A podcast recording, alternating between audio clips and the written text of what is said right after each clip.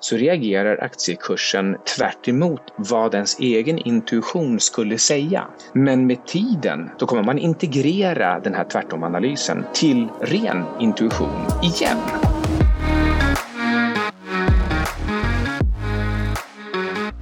Hej! Du lyssnar på Antilop. Det här är avsnitt 136 och jag som pratar är Carl Mikael Syding. Det här blir ännu ett eh, soloavsnitt och det är direkt från metropolen Abbekås i sydligaste Skåne. I avsnitt 135 då hade vi besök av Kärnfull Next och eh, då pratade vi bland annat om samarbetet med Studsvik. Studsvik har sedan dess gått från 103 kronor till 120 och sen ner till 114 igen idag.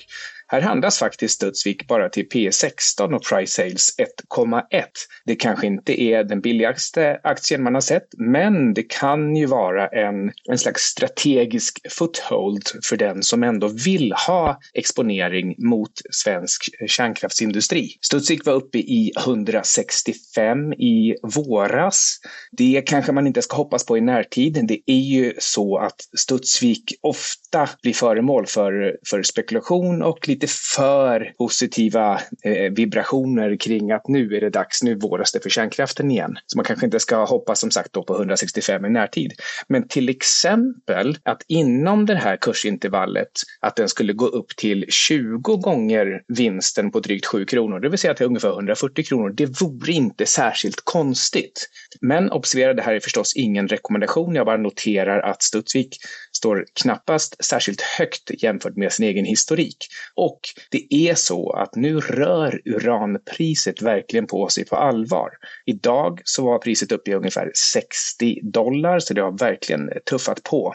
Och kanske har till och med mitt gamla favoritbolag Uranium Royalty Corporation vänt upp efter två års fallande kurs. Eh, kursen drog ju faktiskt 800 procent från ungefär 80 cent till 7,30 eh, och sedan dess så har den fallit hela vägen ner till, eh, till dagens 3,42. Det har sett ut som en dämpad svängning hela vägen neråt, ungefär som en studsboll. De här studsarna har varit riktigt frustrerande. De blir då liksom lite lägre för varje gång. Frågan är, är detta ännu en? Ja, alltså det ser ju i och för sig ut att finnas en hel del motstånd ungefär kring 4 Kanadadollar, det vill säga 15 procent upp från dagens 3,40, eller ja, 3,42. Observera dock att det är trots allt bara 330 miljoner Kanadadollar i market cap, alltså 2,6 miljarder. Så det här är ett jättelitet bolag. Men det har ju den här då spännande featuren att det är ett royalty streaming-företag. Eh, Däremot är det väldigt svårt att räkna på för man eh, har inga direkta kontrakt som man kan titta på ännu. Eh, och dessutom så håller de på och köper fysiskt uran och det är frågan hur bra affärer de egentligen har gjort där. I sådana fall så är ju egentligen jätten Cameco ett smartare val om man nu vill komma in och få en bred branschexponering med fokus på uran och faktiskt ändå lite tryck i kursen börsen. Eh, Cameco har gått upp sju gånger sedan covidbotten och är nu uppe på högsta kursen sedan Fukushima-katastrofen våren 2011. Market cap är idag 16 miljarder dollar, alltså ungefär 170 miljarder kronor, så det är 65 gånger så stort som Uranium Royalty Corporation. Men eh, och här kan man, eh, här kan man räkna på värderingen, men då är ju också det man räknar ut är att värderas på ungefär 50 gånger gånger årets förväntade vinst eller 25 gånger förväntad vinst eh, år 2025.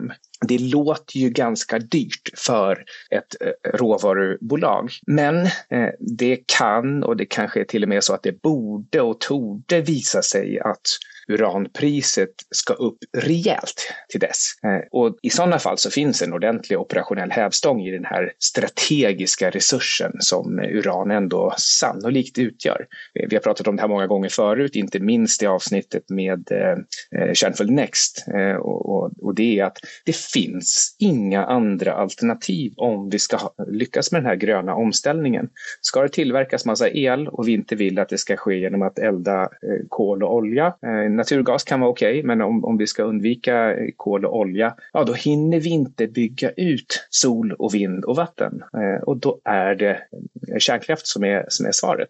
Man ska ha klart för sig att resultatet i Cameco har varit mycket volatilt historiskt. Eh, men det har ju också då varit under den här Fukushima-svackan som har eh, rått mellan ungefär 2011 till nästan nu. Och det är ju den svackan som vi hoppas eh, ska vara slut. Eh, om man vill ha ännu lite mer direkt exponering mot just uran, mot det fysiska uranet, ja, då finns alltid den här Sprott eh, Physical Uranium Trust i Kanada den har legat senaste året på mellan ungefär 14,50 och 18.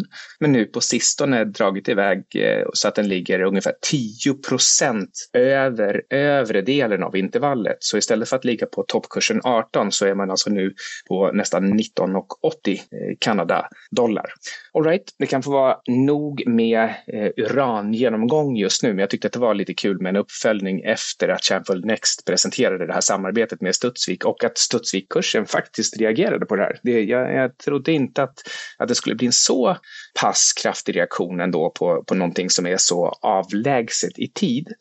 Men nu har också kursen kommit ner lite grann från, från de här 120 och, och då, eh, ja, om man eh, är sugen på att ha någon slags exponering så då, då är väl Studsvik ändå ganska kul att ha längst ner i portföljen. Men som sagt, det där är ingen rekommendation utan man får göra sin egen analys av bolaget och i det här fallet komma ihåg att det, det blir nog inga kärnkraftverk på svenskt territorium innan 2030 i vilket fall som helst. Jag går vidare till en annan lite alternativ tillgång, i alla fall alternativ till aktier. Eh, det är rätt kul att Grayscale vann i rätten i Washington angående att göra om sin flaggskeppsfond till en ETF. Och här så sa domaren att eh, eh, det här var helt godtyckligt. Det fanns ingen som lyckades förklara varför man ska behandla olika ETFer på olika sätt. Eh, och det här fick eh, bitcoin att gå upp eh, måttligt och Coinbase att gå upp eh, desto mer, drygt 10-15 procent, någonting sånt. Jag tycker att det här är inga större reaktioner ändå för att vara krypto. Och eh, som jag har nämnt förr så tror jag att det kan, det kan nog vara något år kvar innan man hittar botten i krypto. Men, men det finns så himla många osäkra faktorer här så det smarta tror jag det är ändå att ackumulera över tid, alltså köpa dipparna. Och då pratar jag om väsentliga dippar som därmed gör skillnad. Och, och då menar jag minst 10-procentiga dippar. Alltså får man att kursen går 10% ner från en viss nivå, ja men där kanske det är rimligt att, att köpa lite grann till, till sin position som man ändå ska ha. Alltså ett annat sätt att uttrycka det här det är att man månadssparar eller veckosparar när man köper bara på de veckorna och dagarna och månaderna när kursen är ner ordentligt. Om, om kursen är upp en del nyligen, ja men då, då tycker jag att man, man bör bara köpa kanske hälften så mycket som man annars köper på svaga dagar. Nåja, den där typen av eh, handelstaktik, den kan man nog tänka ut bättre själv. Och det är inte så att jag eh, rekommenderar eh, vare sig köp eller försäljning av några kryptovalutor här, även om jag personligen tycker att det är intressanta instrument. Det är också så att som med allt inom investeringar så har man en så kallad volatilitetsdividend som man kan dra nytta av. Det vill säga att när, när kurserna rör sig mycket, om ingenting annat väsentligt har förändrats och man fortfarande vill ha den här tillgången, ja, då så länge det är värt tiden, courtaget, spreadar och risk att ha fel och ens mentala stabilitet, ja, men då, då ska man köpa eh, dippar och sen ska man också alltid sälja på, på de här eh, eh upp, uppgångarna, alltså när det går upp kraftigt. För man, man har inte oändligt med pengar, så man kan inte bara köpa dippar hela tiden. Eh, utan man måste ju sälja för att, för att ha något kapital över. Jag noterade också att guldet är oerhört nära all time high nu. Det står i 680 kronor per gram idag. Det här är eh, på kvällen den 30 augusti. Eh, piken var 690 kronor per gram. Det är alltså bara 10 kronor ifrån. Det är ungefär 1 procent. Jag läser just nu boken Price of Time som jag verkligen kan rekommendera. Om man är det minsta intresserad av ekonomisk historia, av var räntor egentligen kommer ifrån, vad de betyder, varför centralbanker har ett eh, inflationsmål på 2 och vilken centralbank det var som började med det här och hur nyligen det var. Vi pratar ju bara om att, att, att eh, om kanske 15-20 år sedan, eh, om det, jag för mig att det var Nya Zeeland som fick för sig att, att säga men vi, vi ska nog sikta på 2% inflation. Och sen är det bara ungefär 10 år sedan de flesta andra stora centralbankerna sa att ja, men vi, vi kör också 2% Men det, det, finns, ingen, finns ingen naturlig förklaring till varför det skulle vara en bra siffra eller, om, eller på vilket sätt det gör eh, att, eh, att ekonomin fungerar bra. I, I Price of Time så går man bland annat igenom den, eh, den här reflexiva naturen hos bra deflation och skulddeflation. För det här är två helt olika saker. När ekonomin blir effektivare och eh, eh tillverkar, tillverkar saker saker, alltså till exempel teknologi på ett effektivare sätt. Eh, det är så kallad eh, bra deflation. Då blir priset lägre på allting. Man, man vill ju att det ska vara så. En, en kraftfullare dator eller en snabbare bil, den, den, den ska bli billigare hela tiden. En, en, dörr ska bli billigare, mat ska helst bli billigare med tiden. Eh, och, det, och det blir den om vi kan göra allting effektivare. Det här, är, det, här är, det här är bra för alla, inte minst låginkomsttagare. Men om man har stimulerat ekonomin för mycket med gratispengar så att folk blir giriga och eh, eh risksugna och dra på sig mer skulder, ja, då kan det vara så att ekonomin har för mycket skulder totalt sett. Och om man då hamnar i ett läge där, eh, där, där eh, skulderna eh, går omkull, att man inte har, har råd att serva, då kan man hamna i en, så, en skulddeflation där man är tvungen att tvångssälja tillgångar för att betala av på lån. Ehm, och, och, det här leder till en, till en ond spiral i ekonomin. Det är, eh, boken Price of Time går också igenom en del lite kontraintuitiva effekter som man kan se i världens eh, kapitalflöden. Till exempel när man sänker räntan för att stimulera ekonomin, då ger det mindre attraktion för utländskt kapital. Och det här kan betyda att kapitalet kan fly från regionen som sänker räntan och därmed ger en, en precis motsatt effekt som man hade hoppats. Det, det här kan inte minst ske om man gissar att andra andra kommer sälja sina tillgångar i landet och eh, ta sig ur. För, för då får man både en lägre valutakurs och lägre priser på eh, de, eh, de lokala värdepappren vilket gör det ännu mer akut att ta sig ut därifrån. Så, så, så, den typen av sänkt ränta, beroende på vad man har för ekonomi och, och hur den egentligen är sammansatt, så, så kan man få en, en antistimulativ effekt av sänkt ränta. Ehm, bara en så här enkel tanke visar hur dumt det är att tro att det alltid ger samma effekt med en höjd eller sänkt ränta och att det alltid är stimulativt. Och för övrigt, för vem i ekonomin är det stimulativt? Det, ehm, och, och, totalt sett så behöver det inte alls vara det för, för hela ekonomin heller. Men samtidigt så kan det också vara så att under vissa omständigheter eh, så eh, när det blir osäkert i världen i stort, då vill man eh, fly till säkra hamnar och till säkra länder. Och det betyder att när just USA sänker räntan, så länge man tror att det är en safe haven, så länge man uppfattar det som en safe haven, ja men då kan man fly till USA med sina pengar och bort från Europa. Och det skulle ju kunna göra att sänkt ränta i USA suger till sig kapital, till exempel bort från Europa. Men då kan det också bli som eh, runt den, den, stora depressionen där på 30-talet.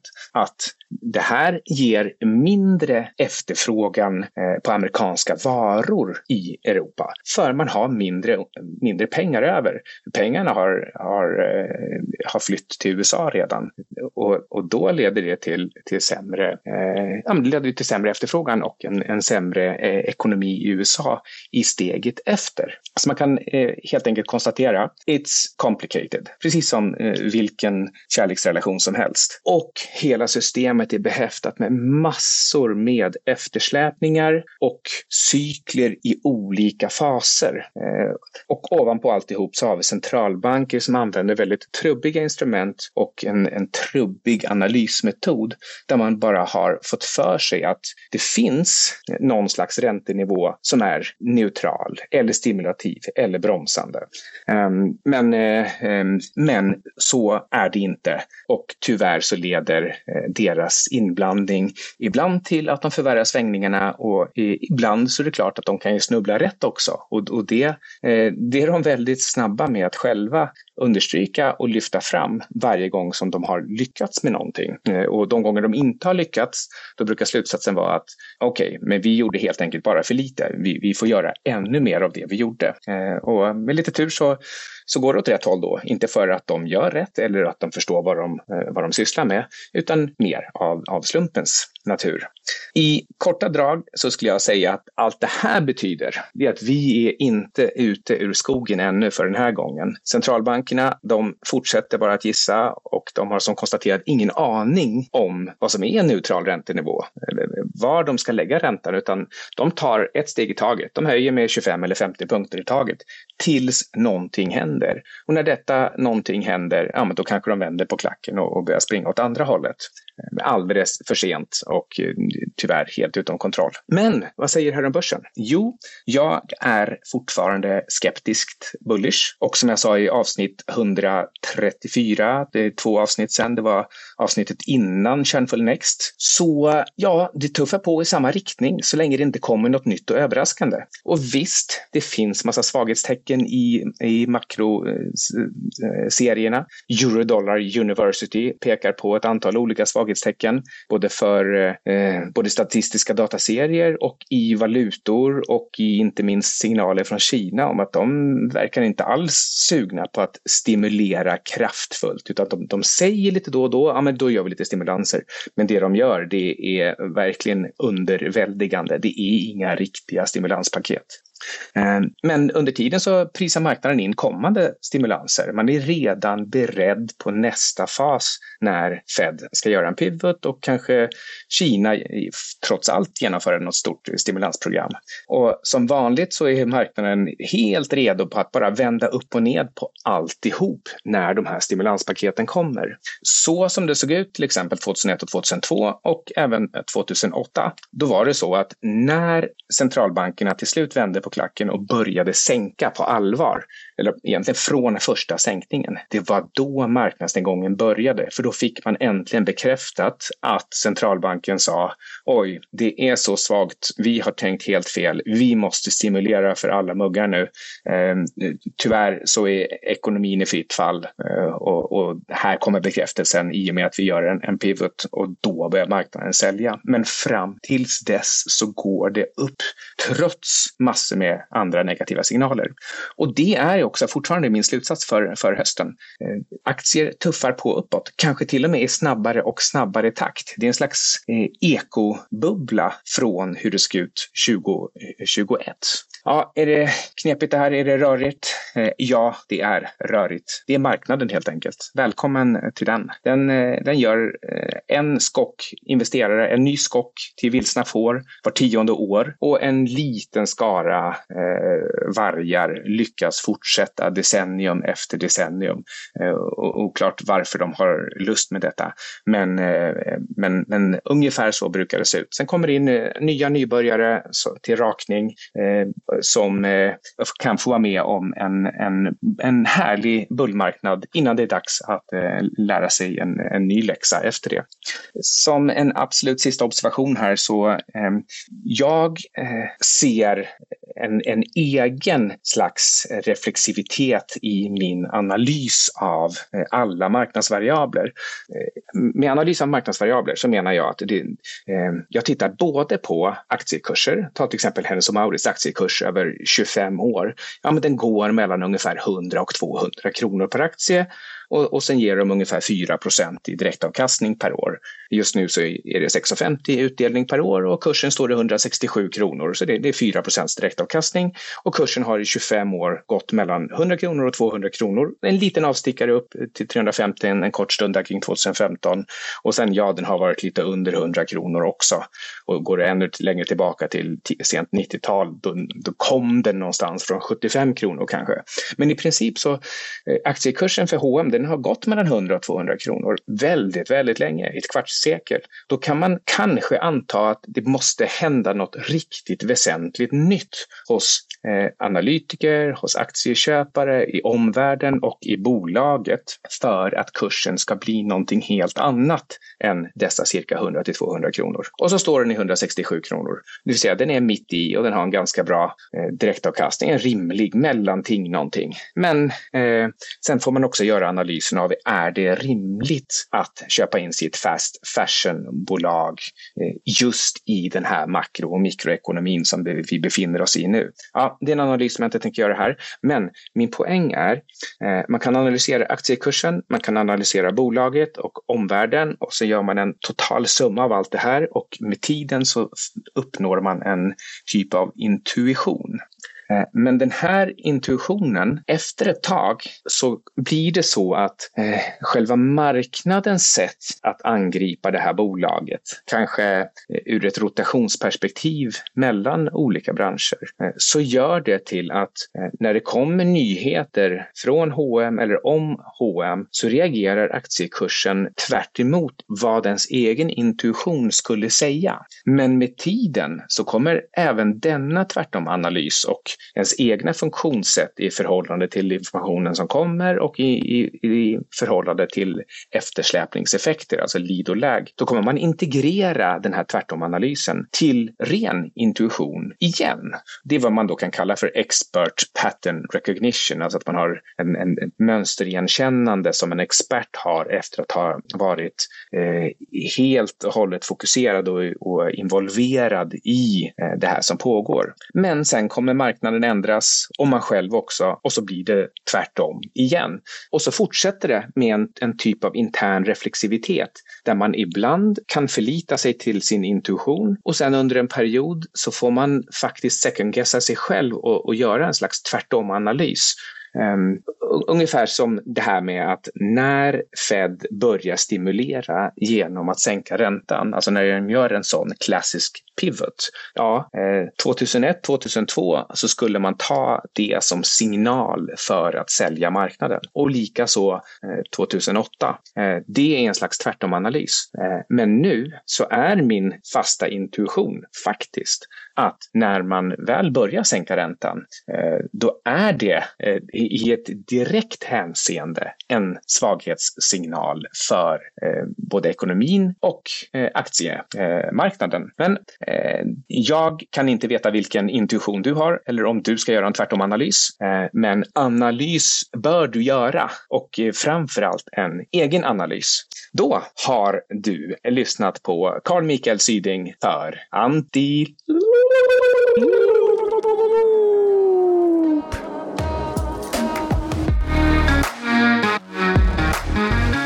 Tänk på att ingenting du hört i den här podden är någon rekommendation att köpa eller sälja finansiella instrument. Alla investeringar är förknippade med risk och eh, du kan förlora stora delar eller hela ditt kapital eller till och med mer om du är riktigt dum och använder belåning. Vi försöker underhålla och utbilda och vi använder källor som vi tycker är tillförlitliga men eh, vi kan inte garantera äktheten eller riktigheten i, i någonting av det vi pratar om. Och för guds skull, gör din egen analys. I can't stress this enough. Eh, och never dina go pengar, all in. Nej, och det är dina pengar, eh, ditt ansvar.